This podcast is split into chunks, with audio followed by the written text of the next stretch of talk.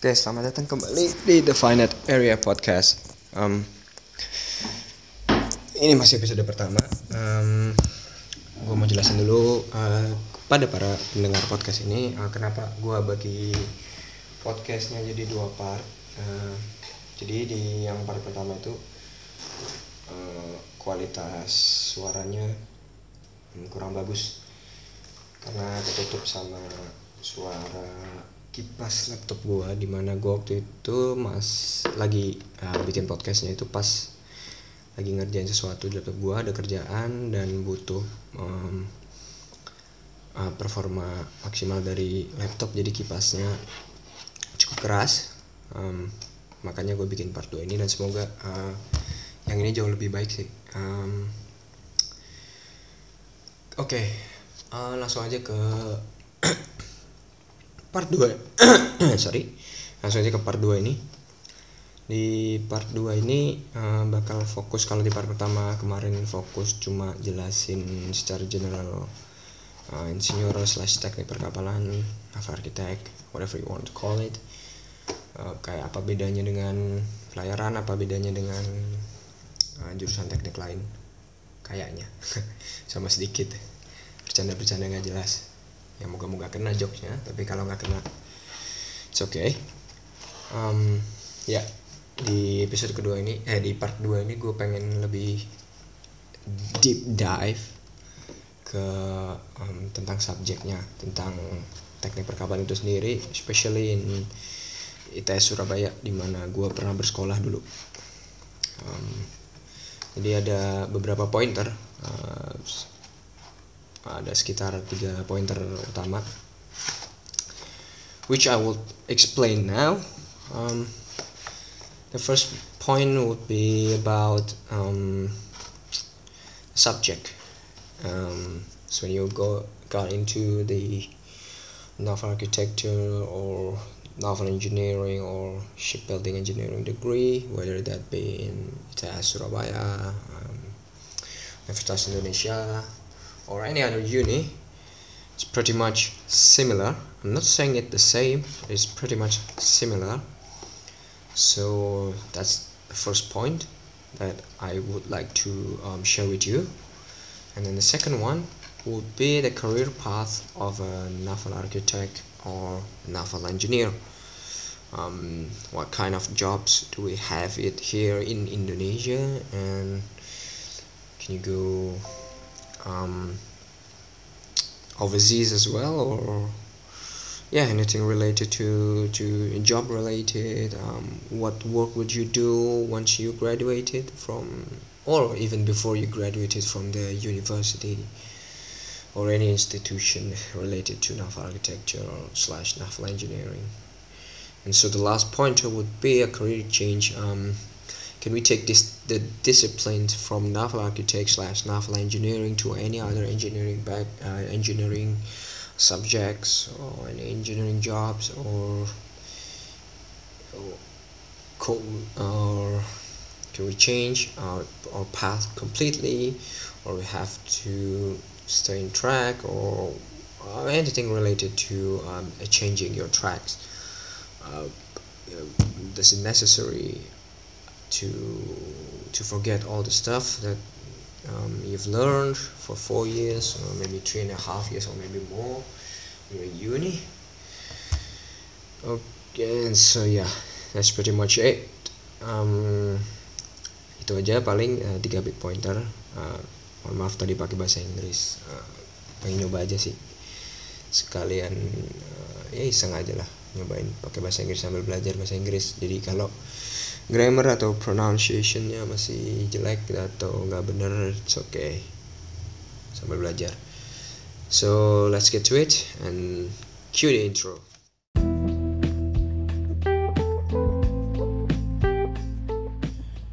Oke okay, langsung kita mulai aja. Hmm, eh langsung gua mulai aja pembahasan um, part 2 sesuai yang udah dijelasin di intro tadi hmm, jadi poin pertama bahwa subjek apa aja atau nah, ya, apa ini nyebutnya ya oh bidang bidang uh, bidang keilmuan apa aja yang yang dipelajari atau yang digunakan oleh seorang insinyur teknik perkapalan atau naval architect. Um, ini untuk yang subjek ini lebih ke arah uh, pendidikannya. Jadi pendidikan kalau lo memutuskan untuk um, menjadi naval architect, memutuskan untuk menempuh pendidikan, baik itu um, politeknik perkapalan ataupun uh, S S1 perkapalan uh, insinyur perkapalan cuman gue kurang tahu sih kalau soal yang politeknik um, karena gue sendiri juga bukan lulusan politeknik dan gue lulusan insinyur jadi bakal lebih ke subjek yang dipelajari kalau misalnya lo jadi uh, insinyur perkapalan gitu. Um, nanti kalau untuk yang pembahasan apa aja scope of work atau apa namanya ya. Um, bidang yang digeluti oleh seorang naval architect dalam sebuah pekerjaannya uh, poin setelah ini. Uh, kita langsung aja. Bertele-tele ya. Mohon maaf um, jadi ada sebenarnya ada empat berapa ya? Satu dua tiga. Ah, gini deh. Jadi intinya berbeda dengan engineering pada umumnya. Kalau misalnya kalian ambil mechanical engineer electrical engineer um, civil engineer jadi teknik sipil teknik elektro teknik mesin um, atau environmental engineering atau industrial engineering and jurusan of architect ini bisa disebut um, vehicle engineering. Kalau kalian pernah dengar di Indonesia kayaknya sebelum ada cuman di luar negeri udah beberapa beberapa negara udah ada yang menye, uh, punya jurusan ini. Uh, yaitu vehicle engineering di mana uh, mereka mempelajari uh, kendaraan. Jadi bukan pada spesifik satu jenis uh, uh, engineering kayak misalnya mechanical engineering ya mempelajari hal-hal yang berhubungan dengan mechanical civil engineering yang mempelajari um, hal yang berhubungan dengan uh, struktur atau bangunan uh, bangunan-bangunan yang, yang yang ada di di sipil maksudnya yang dipakai orang-orang pada umumnya uh, di darat uh, maupun di pantai. uh, kalau environmental engineering lebih mempelajari lingkungan uh, engineering yang berhubungan dengan environmental sustainability mungkin. Um, electrical tentu pelajari hal yang berhubungan dengan listrik baik itu generation uh, operational um, dan sejenisnya yang berhubungan. Nah vehicle engineering ini jadi bakal mengambil uh, aspek-aspek uh, dari berbagai engineering yang gue sebutin tadi uh, baik itu uh, berbagai aspek yang gue sebutin tadi ya yang ada electrical, mechanical, civil, um, little bit of environmental.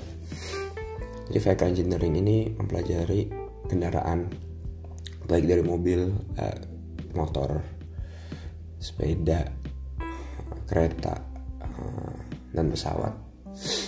Nah, kenapa nah naval architect kenapa nggak gue sebutin tadi? Karena memang kelima uh, jenis-jenis kendaraan ini um, prinsip dasarnya hampir mirip, jadi bisa dipelajari dalam satu bidang uh, keilmuan um, sebenarnya sih kalau menurut gue pribadi uh, perkapalan juga mirip cuman untuk alasan tertentu nggak nggak disatuin jadi kalau di Indonesia jadi jurusan yang cukup unik ini ya teknik perkapalan sama teknik penerbangan.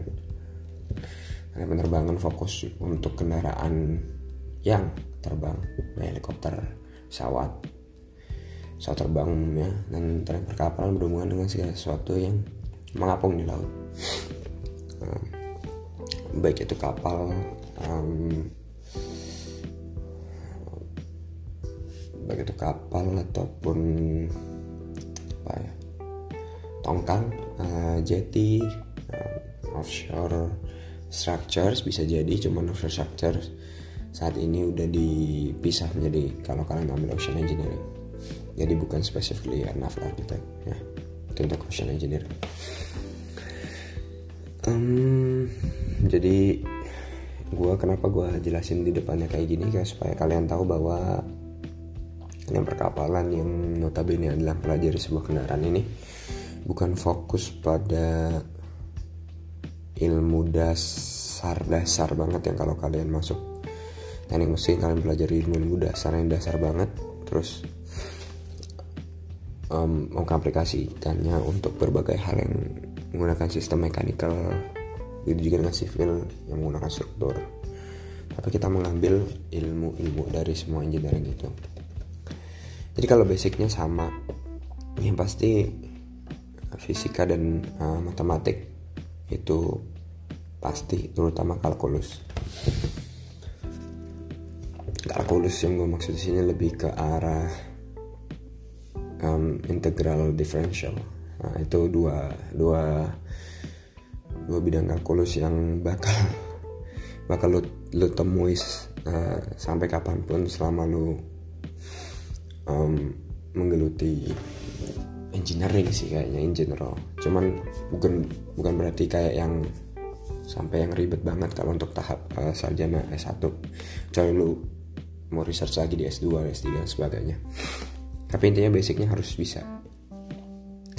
Jadi nanti di tahun pertama lu bakal harus uh, bakal wajib mengambil uh, basic-basic ini kayak fisika dasar um, fisika dasar um, kalkulus. Ada dua kalkulus satu dua di mana kalkulus satu lebih berfokus kepada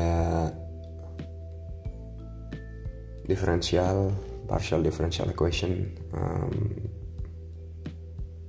terus kalkulus 2 lebih fokus pada integral atau integrasi. Um, um,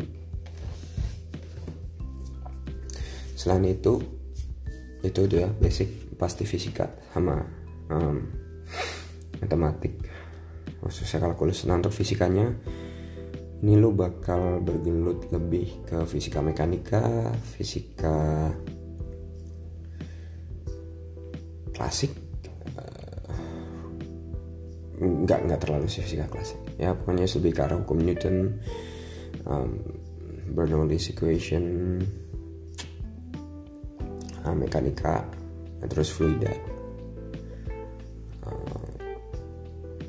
kurang lebih itu sih. Kalau elek apa magnet terus kelistrikan tidak terlalu kecuali kalian mungkin marine engineer. Itu harus lebih paham di bidang itu. Terus itu dua um, dan tentunya struktur structural engineering ada di bagian daripada bisa dibilang 50% dari naval architect adalah naval architecture adalah structural engineering. Structural engineering.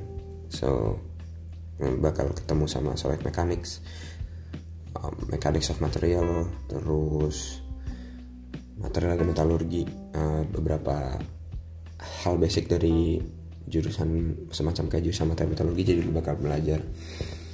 Um, teknologi apa namanya material gimana material itu dibikin uh, khususnya logam uh, komposit dan uh, wood wooden uh, cuman wooden udah mulai jarang dipakai karena ya yeah, it's not environmentally sustainable. Dan kayu kan butuh waktu ratusan tahun minimal puluhan atau ratusan tahun untuk nunggu pohon itu bisa di bisa cukup besar untuk dipakai untuk uh, bikin kapal kayu. Ya bersyukur kita di Indonesia memang kayu kita banyak. Eh, kalau di negara-negara lain negara Eropa dan sebagainya udah mulai langka dan mahal. Jadi mereka lebih ke material logam dan komposit. Itu dari jadi tadi basic terus structural engineering jadi uh, mengambil ilmu dari teknik sipil soft mechanics yang tadi gue sebutin tadi.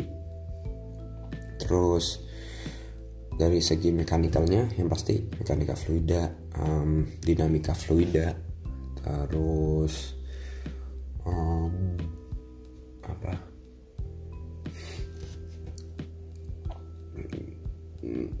Met apa yang buatnya ya? Um finite finite um, numerical method ya numerical teknik untuk solve. Um, mechanical system atau structural system seperti finite element kalau kalian pernah dengar um, itu. Tapi itu bagian dari teknik sipil juga biasanya. Kurang lebih itu sih apa mekan sistem sistem mekanik lah mechanical system fluida gitu. Terus dari bidang electrical kita ambil at least kalau teknik perkapalan kan harus tahu power generation uh, at least for genset untuk backup power terus listrikan untuk lampu uh, listrikan untuk lampu sama sama permesinan sesimpel uh, paling ya simpel nggak nggak nggak terlalu mendalam karena sekarang udah di uh, lebih didalami kalau kalian ambil sistem perkapalan. Jadi itu yang membedain um, ini sekalian gue jelasin yang membedain teknik perkapalan sama sistem perkapalan. Kalau kalian ambil teknik perkapalan fokus ke strukturnya. Kalian fokus ke desain. Jadi naval arsitek fokus ke desain. Awal dari nol orang mau bikin kapal bikin tangkang atau bangunan kampung dari nol sampai tahap um, itu kapal struktur itu jadi. Terus sistem di dalamnya bisa seorang naval arsitek tapi kalau dalam skop kerjaan mungkin lebih diambil sama marine engineer gitu. Dan untuk offshore anak arsitek juga bisa cuman ada offshore, offshore engineer atau ocean engineer yang biasanya ngambil hal tersebut interchangeable sih sebenarnya. Karena basic ilmunya sama semua. Jadi itu sebenarnya um, basic yang bakal kalian pelajari. Oh ya satu lagi. Gambar teknik. Jadi buat kalian yang nggak suka gambar um, harus mau nggak mau mau sih. Kayaknya kalau lo ambil semua bidang engineering lu nggak bakal lepas dari gambar. Karena gambar itu kayak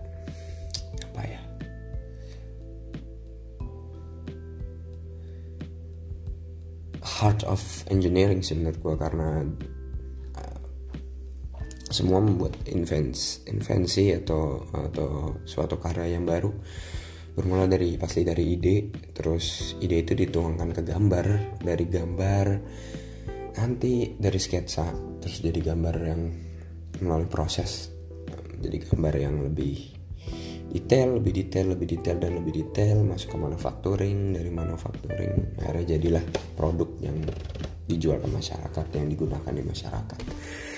Jadi pasti gambar teknik adalah salah satu hal penting bagi seorang novel arsitek at least kalau kalian nggak nggak fokus untuk bisa gambarnya at least kalian ngerti kalau dikasih gambar teknik dan untuk semua engineering sih.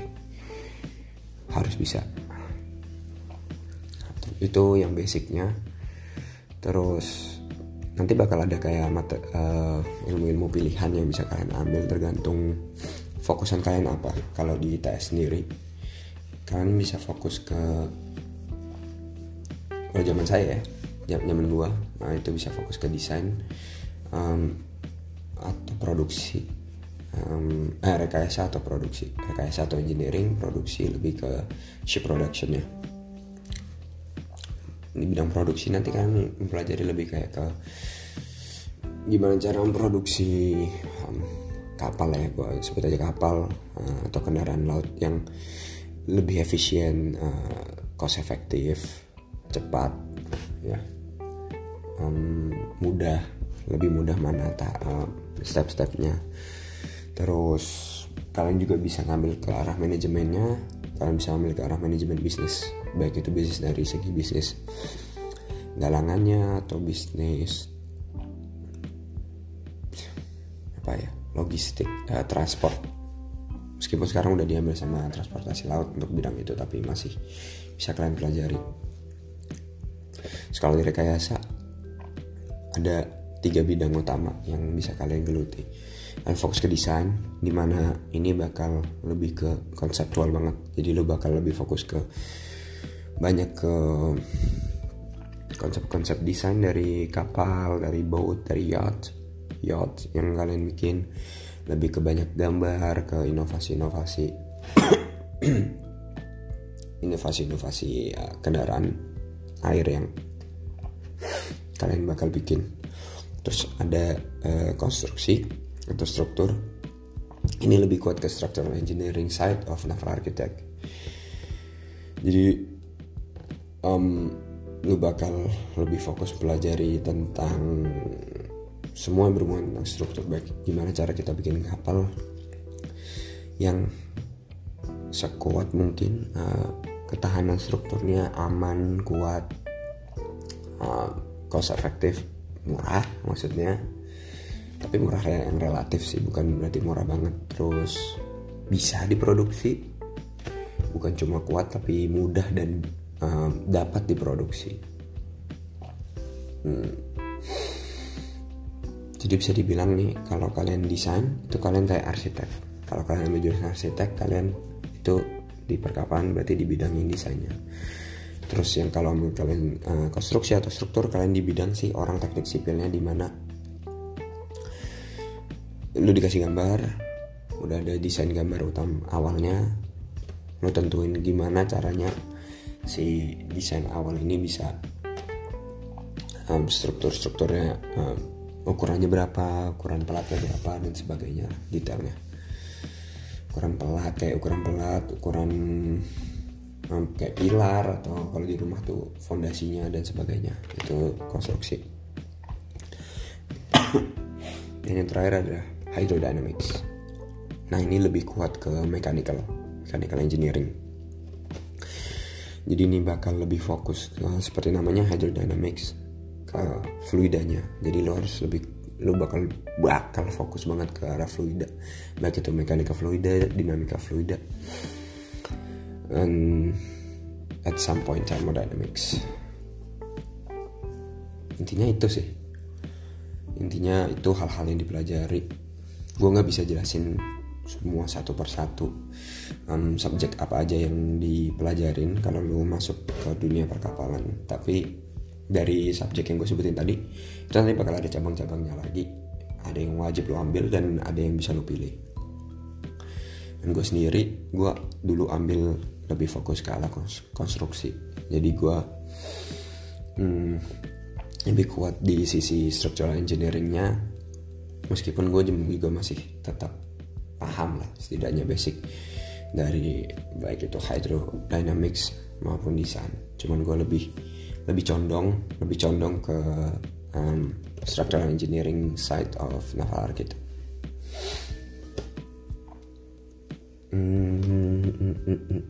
oh iya. Dan pastinya hmm, sepanjang 4 tahun kalian kuliah 8 semester kalian bakal punya 4 tugas besar kalau kalian ambil teknik perkapalan. Ini kalau kalian ambil di ITS jadi kalian bakal mempelajari pertama namanya TRG tugas rencana garis or lines plan. Ini adalah gambar lines jadi lines plan adalah gambar awal bentuk bentuk dasar kapal kalian. Uh, terus nanti di tahun berikutnya itu tahun pertama di tahun kedua kalian bakal pelajari um, basic design. Basic design ini setelah lu bikin lines plan lu bakal bikin general arrangement. Kalau di rumah tuh layout. Misalnya lu taruh toilet di mana lu taruh kamar di mana kabinnya di mana ukurannya kayak apa lu taruh mesinnya di mana lu taruh um, kalau lu kalau ngomongin tentang kapal ni niaga atau kapal kargo atau kapal kontainer atau kapal bulk carrier atau kapal tanker. Lu taruh lu tentuin semua sistemnya peletakannya di mana um, muatan lu mau berapa uh, mau muat mau mau muat apa aja itu kapal. Terus kalau ke arah kapal penumpang lu mau berapa penumpang lu mau ini kapal mewah apa enggak lu mau lu tentuin. Ya general layoutnya sampai perhitungan harga bahkan. Tapi nggak perlu takut dengar kalau wah kayaknya susah banget. Nggak nggak. Uh, lebih ke arah basicnya. Cuma sih kalau nanti kalian bekerja itu yang bakal kalian lakukan juga tahapannya. Jadi dari lines plan kalian masuk ke basic design penentuan layout penentuan perhitungan perhitungan dasar yang namanya hydrostatic dan sebagainya.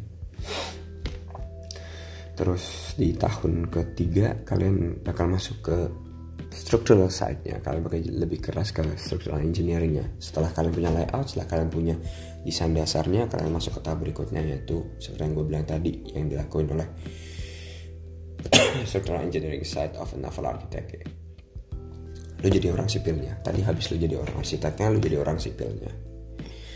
Menjadi orang sipilnya lu tentuin um, ya tadi ukuran pelatnya um, materialnya apa terus hitung kekuatan strukturnya apakah aman apakah memenuhi standar standar yang udah ditetapkan oleh oleh dunia udah oleh klasifikasi eh, dan sebagainya. Berhubungan dengan strukturnya terus nanti di tahun ya tadi tahun ketiga tahun ketiga ya.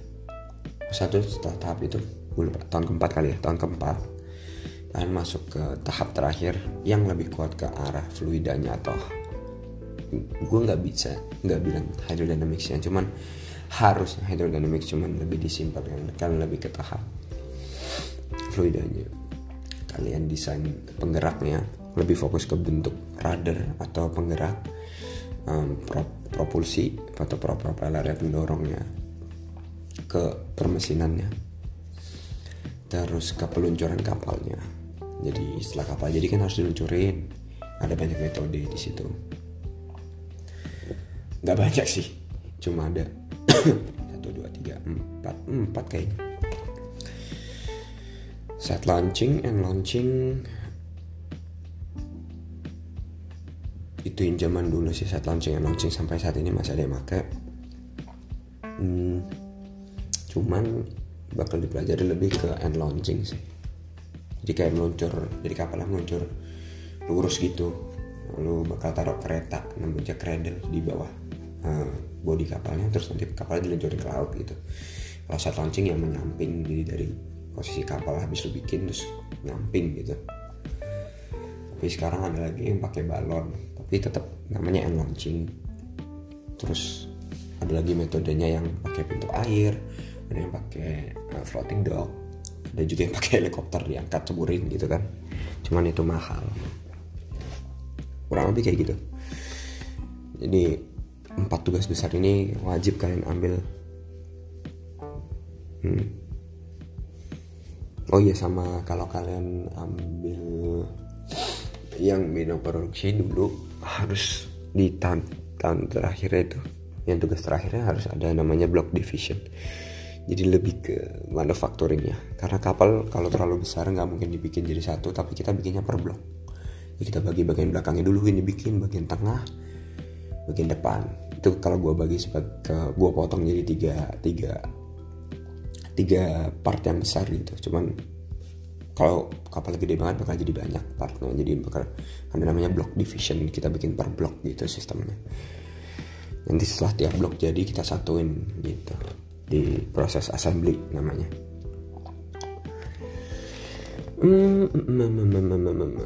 Mungkin itu aja. Kalau untuk fokus ilmu yang dipelajari um, selama S1 jadi cukup banyak sih. Cuman jangan takut pasti bisa. Buktinya banyak yang lulus juga jadi memang banyak jadi seorang naval architect harus mengerti kelistrikan harus mengerti struktur harus mengerti fluida harus mengerti mechanical harus mengerti uh, gambar art at some point. Jadi kalian bakal kayak jack of all trades lah. Cuma lebih fokus ke satu kendaraan gitu. Hmm, jadi at some point bisa ke berbagai bidang but at some point tidak terlalu dalam dibandingkan kalau kalian ambil mechanical engineering bakal benar-benar fokus begitulah. Um, terus kayaknya gue langsung masuk aja ke yang lebih eh ke part 2 nya yaitu scope kerja atau lebih ke karir path um, pekerjaan apa aja yang misalnya diambil kalau kalian lulusan teknik perkapalan ada banyak. Banyak. Nggak sebanyak kalau jurusan lain sih cuman ada banyak bidangnya. Kalian bisa jadi orang desain. Lebih fokus ke desain kapal jadi basic desain desain konsep desain detail desain sampai final design. Kalian bisa jadi desainer terus bisa jadi structural engineer nggak harus di kapal nggak harus di kapal. Cuman di itu structural engineering design structural engineering drafter. Cuman drafter cukup sayang sih kalau kalian soal lulusan S1 jadi drafter. Cuman nggak apa-apa jadi misalnya nggak ada pilihan kerjaan lain lu jadi drafter dulu. Terus malahan lu bakal naik jadi designer terus bisa jadi manager bla bla bla bla bla bla ya. Jenjang karir biasa lah. Cuman tingkat paling bawahnya itu drafter pasti. Jadi itu drafter terus lu engineer karena desain terus bisa jadi structural engineer-nya nggak harus di kapal sekali lagi gitu. Nggak harus di kapal bisa di bangunan banyak temen gue juga dan senior senior gue yang pindah bidang. Bahkan lo bisa jadi structural engineeringnya pesawat. Ada teman gue ada. Senior gue juga ada. Bahkan ada senior gue yang kerja di Boeing di Airbus di luar negeri. Uh, so don't limit your potential ya. Terus lo bisa juga ke offshore ke oil kerja di oil company ke bidang jadi inspektornya um, misalnya piping inspector welding inspector tapi biasanya lo harus ambil lagi sertifikasi. Jadi quality control jadi quality assurance jadi surveyor. Baik itu marine surveyor ataupun class surveyor jadi adjuster. Adjuster tuh jadi yang ngitung tentang asuransi kapalnya. Bisa jadi orang logistik. Kalau kalian ke perusahaan kalau kalian pernah dengar perusahaan kayak Samudra Indonesia, Mars Line, Temas Line, Meratus, tapi yang paling terkenal Mars kayaknya, Damco, nah tuh kalian yang lihat kontainer itu bisa juga di bidang itu lebih ngarahin ke logistiknya atau transportnya atau pengikatan apalnya atau kalau misalnya kerja di ferry ASDP ya, bisa di pelabuhan bisa di terminal kontainer.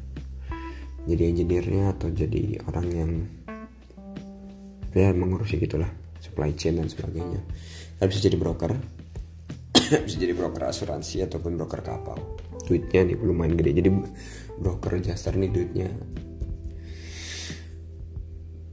lumayan basah dan gede. Jadi itu pilihan kalian. Kalau kalian ih mau. Sebenarnya semua bisa bahasa sih cuman maksudnya kalau itu paling dekat ke arah bahasa kalau kalian jadi broker atau adjuster hmm.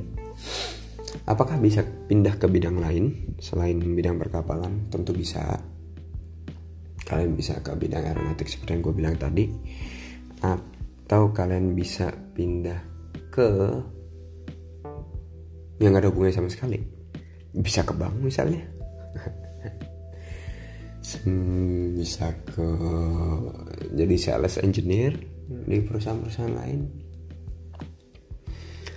Um, ya kurang lebih kayak gitu. Jadi sebenarnya sih intinya kalau hmm, S1 kalau kalian kuliah apa pun jurusan kalian ambil nggak harus kalian kerja sesuai dengan bidang yang kalian ambil. Kalian bisa ambil um, apa pun lah uh, bidang yang mau kalian kalian kalian geluti passion. Bahkan kalau kalian mau pindah nggak jadi engineer lagi juga nggak apa-apa. Cuman ini mungkin jadi closing aja udah terlalu lama. Kayaknya video uh, video lagi podcastnya. Itu 29 menit nggak terasa. Um, kalian kalian gue rasain dari S1 tuh sebenarnya bukan kayak apa subjek yang kalian pelajari banget gitu ya. Tapi lebih ke problem solving ya. Kalian tuh diajarin gimana problem solving gimana caranya teamwork waktu kalian kuliah sama teman-teman kalian gimana caranya kalian ngelobi dosen kalian gimana cara kalian presentasi gimana cara kalian oh, memajukan proposal sebenarnya itu itu hal-hal yang yang yang sebenarnya paling penting. Kalian mencari link dari ospek saya dapat link. Bisa lu belajar dari situ. Jadi jangan dipikir kalau kuliah tuh lu cuma ngambil hard skill ya. Tapi sebenarnya soft skillnya itu penting. Jadi gue saranin kalau lu kuliah di mana pun jurusannya kalau bisa ikut organisasi. Organisasi apa pun yang kalian suka. Ikut olahraga kegiatan olahraga lu ikut sebuah tim olahraga di situ ada organisasinya pasti lo ikut di situ meskipun lo sebagai anggota. Kalau bisa sih lo jadi pengurus. Jadi lo belajar gimana cara jadi pemimpin gimana caranya membuat suatu program gimana cara manage orang. Karena kepala orang tuh banyak gimana cara lo manage nya gimana cara lo menghadapi orang yang berbeda. Sebenarnya itu intinya dari dari kalau menurut gue sih sebagai lulusan engineering. Jadi bukan bukan ke oh gue harus nah, matematik gue kuat ini, ini enggak di dunia kerja tergantung bidang kerjanya memang.